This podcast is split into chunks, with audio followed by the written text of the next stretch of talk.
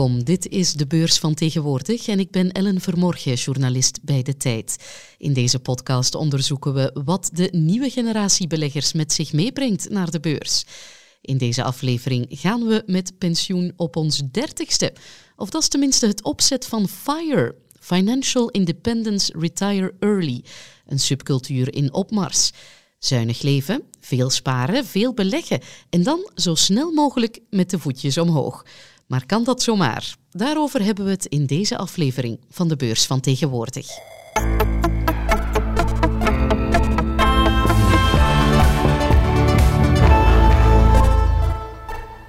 Deze aflevering krijg ik gezelschap van Sonja Verschuren, de chef van Netto hier bij de tijd. Dat is ons personal finance katern. Sonja die weet uh, alles over budgetbeheer, fiscale optimalisaties, pensioensparen, vastgoedinvesteringen. En speciaal voor ons is ze ook helemaal uh, deep dive uh, gegaan in dat fenomeen van FIRE. Laat ons er maar meteen samen induiken. Sonja, welkom.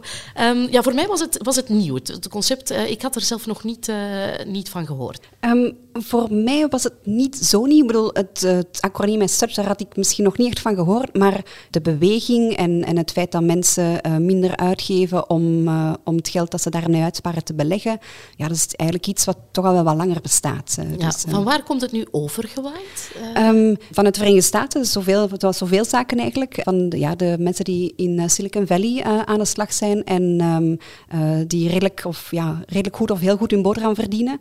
En, en van daaruit uh, um, ja, een groot deel van hun inkomen opzij kunnen zetten om, uh, om, om, het, ja, om het aan het werk te zetten en, en om het te beleggen en om dan uiteindelijk um, ja, van, hun, uh, van hun belegging te kunnen leven of van het rendement op hun belegging te kunnen leven. Ja, want dat is eigenlijk een beetje ja, het, het, het grote doel, dat je zo spaarzaam mogelijk leeft om je een beetje aan de red race te onttrekken. Het klinkt super dat je, ja, dat je heel jong al een ticketje naar de vrijheid zou kunnen kopen. Ja, daar komt het op neer. En op zich is het het is ook heel eenvoudig, hè? Um, uh, want wat moet je doen om, uh, om, ja, om geld opzij te kunnen zetten? Namelijk ja, minder uitgeven uh, of minder uitgeven dan, dan dat wat er binnenkomt. Um, en, ja, en, en een vermogen opbouwen. En zijn daar basisregels voor? Hoeveel moet ik dan opzij zetten bijvoorbeeld? Wel, het is niet zo dat er een standaardplan is. Hè. Um, financieel onafhankelijk worden is denk ik ook voor, ja, is ook voor iedereen wat anders. als je getrouwd bent, als je kinderen hebt, of je eigen huis hebt of niet, speelt allemaal mee met het, uh, um, ja, met het bedrag dat je dan uiteindelijk opzij zou kunnen zetten. Maar men gaat er toch van uit dat je de helft van je inkomen um, opzij zou moeten kunnen zetten. Ja. Um, ja, de helft van je inkomen uh, ja, uh, spaart. En hoeveel moet je dan bijeen sparen? de standaardregel daar is dat je toch 25 keer je jaarlijkse uitgaven bijeen zou moeten krijgen om, uh, om financieel onafhankelijk te worden. Okay. Um, uh, en ja, dat je dan 4% um, uh, van, of dat je dan van 4% van dat bedrag kan leven. Dus je roomt elk jaar een stukje van, van je spaargeld dan af of van je, en da daarvan ga je dan leven? En daarvan ga je leven. Ja. Misschien kan ik het een beetje duiden met een voorbeeldje. Okay. Stel dat je... Um, uh, 25.000 euro uh, aan kosten hebt jaarlijks, um, dan uh, heb je eigenlijk 625.000 euro nodig om uh, op termijn van te kunnen leven. En dan 4% van die 625 is dan het bedrag dat je elk jaar um, ja, afromt, zal ik maar zeggen. -hmm. en die 4%, waarom 4%? Dat is, ja, de beurs doet het doorgaans beter okay. dan, dan dat percentage.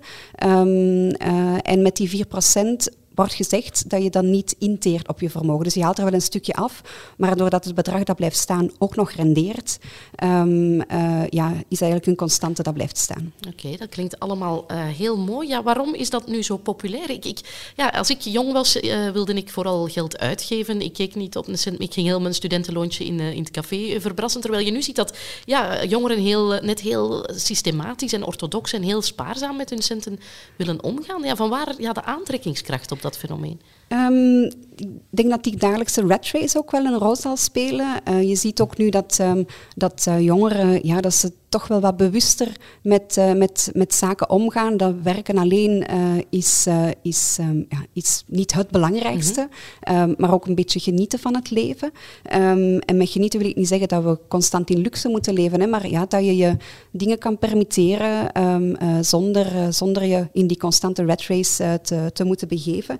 En ja, wat hier natuurlijk ook wel meespeelt, iets, um, uh, we krijgen hier allemaal een wettelijk pensioen als we met pensioen gaan, maar ja, er wordt al jaren over gesproken hè, dat, uh, um, uh, dat de overheid, dat, dat die pensioenen um, onbetaalbaar zijn en dat de overheid dat misschien niet gaat blijven voorzien.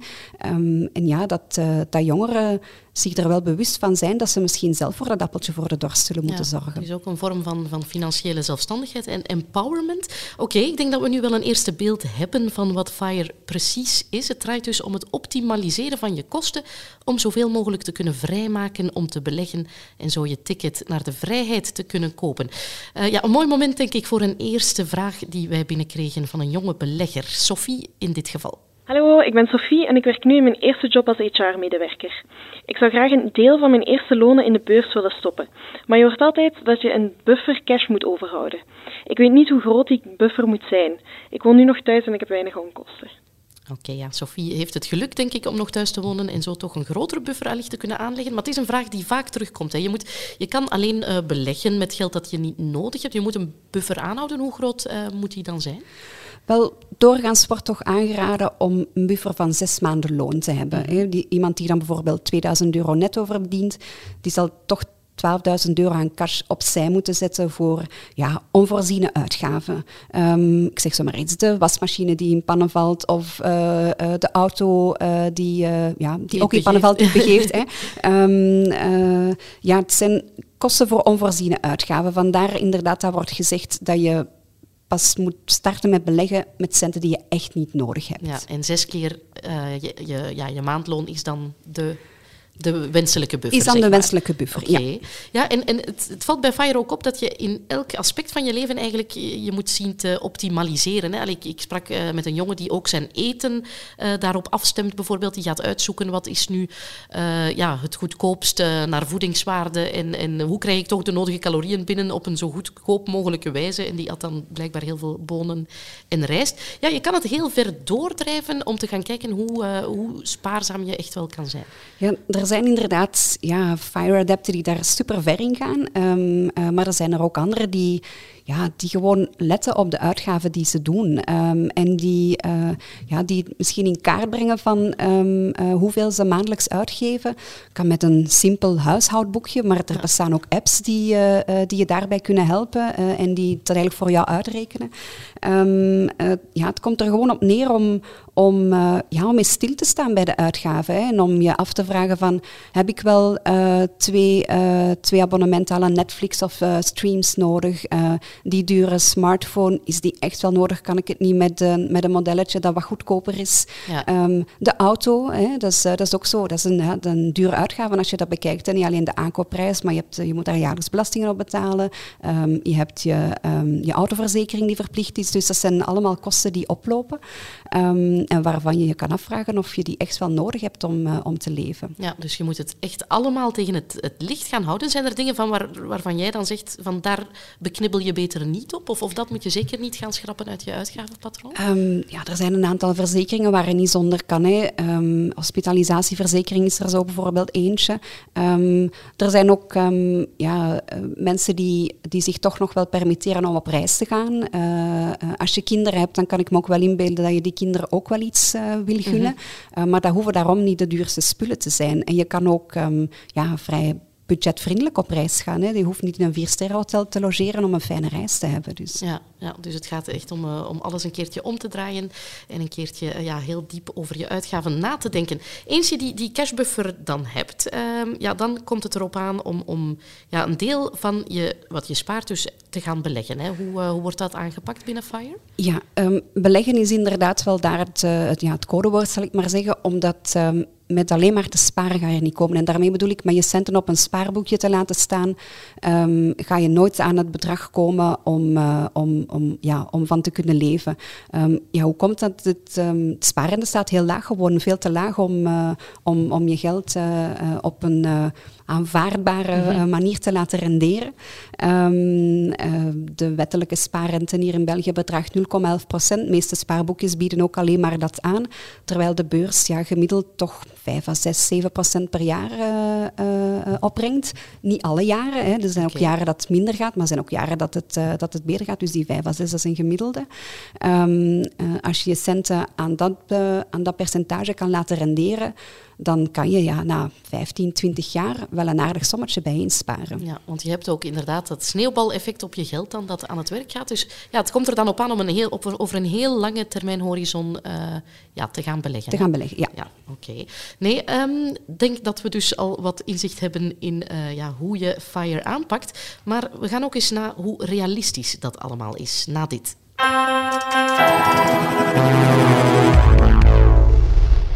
De tijd, 21 januari. 60% van de grootsteden overweegt om binnenstad autovrij te maken. Zowel Antwerpen, Gent... Zes seconden. Na zes seconden al stopte Alex met het lezen van de tijd. Meer had hij niet nodig om aandelen te kopen van de grootste elektrische fietsenfabrikant. Deze aha-momenten die willen we bij de tijd blijven opwekken. Dus leg ons gerust al na 6 seconden weg.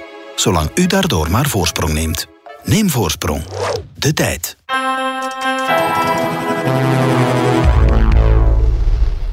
We hebben het over uh, optimalisatie van je geld om zo snel mogelijk op pensioen te kunnen gaan. Een ticketje uit de red race. Ik zou als belegger natuurlijk ook zoveel mogelijk willen hebben om mee te investeren. Zeker omdat je natuurlijk ook altijd wel, uh, ja, wat jij zegt, Sonja, slechte jaren hebt. Uh, en je moet je daar natuurlijk ook wel tegen wapenen. Um, ja, we moeten er ook wel eerlijk over zijn. Dat fenomeen FIRE, je kan je afvragen, is dat voor iedereen bestemd? Moet je niet al een bepaald soort minimuminkomen hebben om uh, eraan te beginnen? En dat is ook wat uh, Laure zich afvroeg toen ze ons deze vraag toestuurde. Hey, hallo, uh, ik ben Laure. En het concept achter FIRE lijkt mij super boeiend. Maar elke maand de helft van je inkomen sparen, dat lijkt mij toch wel alleen maar weggelegd voor de happy few, denk ik. Dus mijn vraag is, uh, kan iedereen zomaar fire worden of heb je toch een bepaald niveau van loon nodig om hieraan te kunnen beginnen? Ja, de grote realiteitstoets FIRE. Het klinkt allemaal mooi, maar kan, uh, ja, kan iedereen het doen of is het echt alleen voor die happy few? Het is niet voor de happy few. Hè. Je hoeft ook geen miljardair te zijn om, uh, om FIRE te kunnen worden. Maar ja, je moet wel een bepaald niveau van loon hebben om, uh, ja, om de helft van je inkomen opzij te kunnen zetten. Um, uh, en als je jong bent, verdien je natuurlijk niet zoveel. Hè. Um, uh, cijfers van Statistiek Vlaanderen tonen bijvoorbeeld aan dat het persoonlijk inkomen bij 18 tot 34-jarigen gemiddeld 1363 euro per maand is. Dat is niet zoveel. Als je de helft daarvan moet sparen um, of ja. moet, moet opzij zetten om te beleggen, dan schiet er ook niet zo heel veel meer over om, uh, om van te leven. Zeker als je als je nog huur moet, uh, moet betalen of als je een lening hebt lopen, um, dan ja, een gemiddeld loon is toch wel een basisvereiste om, uh, uh, ja, om dat bedrag opzij te kunnen zetten. Ja, blijkbaar bestaan er ook wel variaties op, dat je het ook een beetje in een light versie kan doen. Fire worden, er zijn, je hebt fat fire, las ik, dat is als je echt enorm spaarzaam bent en echt 70% van je inkomen opzij zit. Maar je hebt dan ook een aantal ondergradaties, bijvoorbeeld barista fire is dan een mooie, bijvoorbeeld iemand die ja, wel het nodige opzij zit, maar die dan toch nog gewoon part-time een leuk baantje heeft als in een koffiebar of zoiets.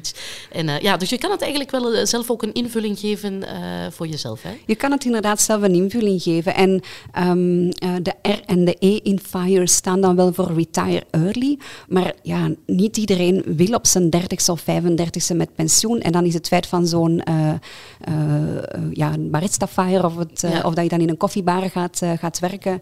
Um, ja, wel een, een, alternatief mag ik niet zeggen, maar een, ja, een, een, een, een, een leuk ding om te zien, een variatie om te doen. Ja. Oké, okay, fijn. Ja, je zegt het RE, hè, die laatste woorden, daar hebben we het eigenlijk nog niet echt helemaal over gehad. Retire early, uh, ja, het, het, laatste deeltje van dat FIRE-acroniem, daar gaan we zo meteen uh, dieper op in.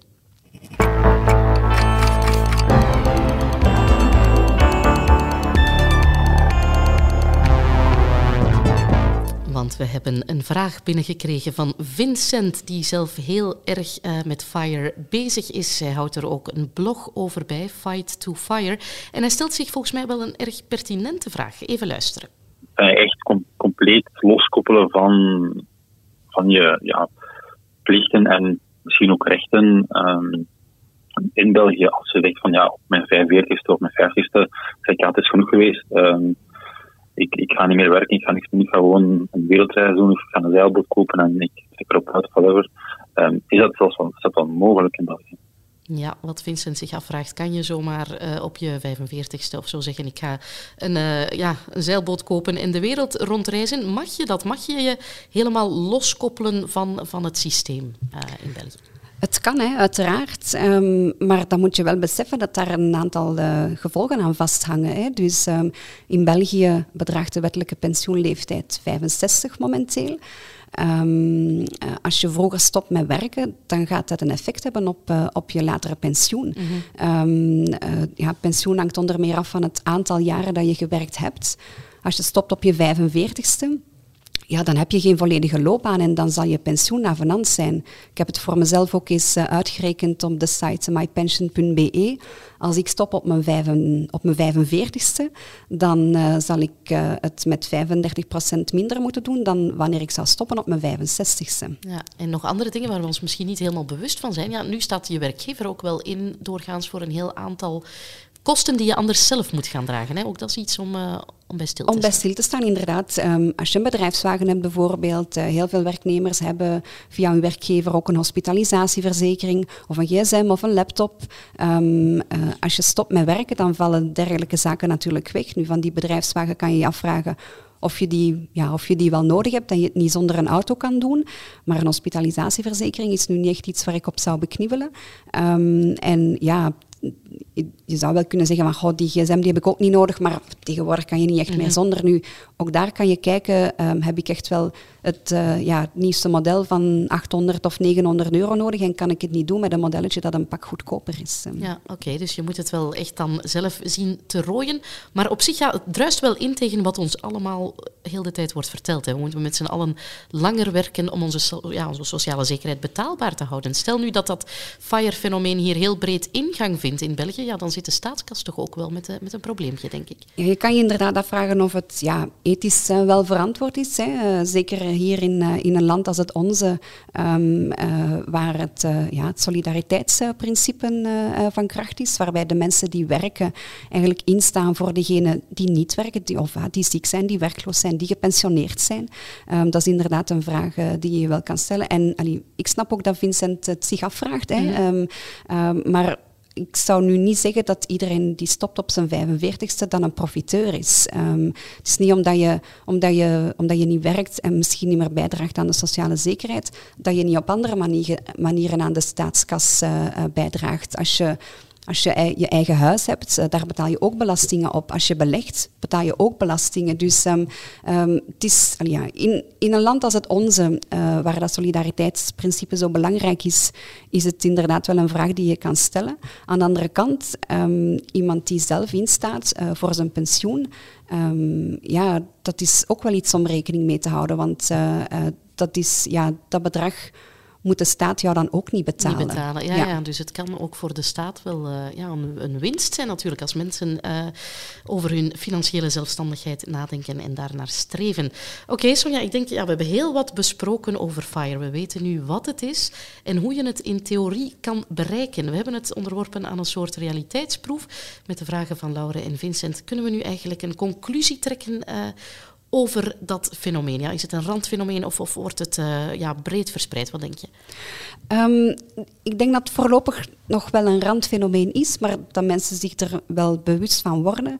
En um, uh, ja, je hoeft niet per se op je dertigste of je veertigste met pensioen te gaan. Hè. Je kan ook op je vijftigste of 55ste stoppen. Um, uh, je hoeft ook niet per se te stoppen, maar uh, ja, minder werken uh, uh, kan, ja, kan ook al een fijn alternatief zijn. Um, ik denk niet dat er heel veel mensen zijn die als ze stoppen met werken dan ook gewoon helemaal niets meer doen. Mensen is denk ik ook niet gemaakt om mm -hmm om, om, om, om niets te doen. Hè. Um, maar ja, je koopt een ticketje naar de vrijheid hè, om te doen wat je graag doet. Um, uh, en komt er vooral op aan, denk ik, om als je fire wil worden, om erg gedisciplineerd te werk te gaan. om inderdaad ja, de vinger op de knip te houden en die uitgaven wel strikt onder controle te houden. En dan ook ja, van de centen die je daarmee uitspaart, van die trouw te beleggen. Ja, oké. ja, het is inderdaad vooral, denk ik, een, uh, ja, een heel fijn idee. Uh, en het geeft je een tool om eigenlijk stil te staan bij de nodeloze uitgaven. En voor mij alleszins was het wel een eye-opener. Van, uh, ik ga ook een keertje dat huishoudboekje waar jij over spreekt bovenaan. Ik weet nog niet of het een fysiek zal zijn of op een spreadsheet. Maar het is inderdaad wel een manier om even stil te staan bij wat je allemaal uitgeeft. En om te kijken hoe je toch later voor je oude dag iets beter gewapend kan zijn. Heel erg bedankt, Sonja, voor jouw expertise. En jij bedankt om te luisteren.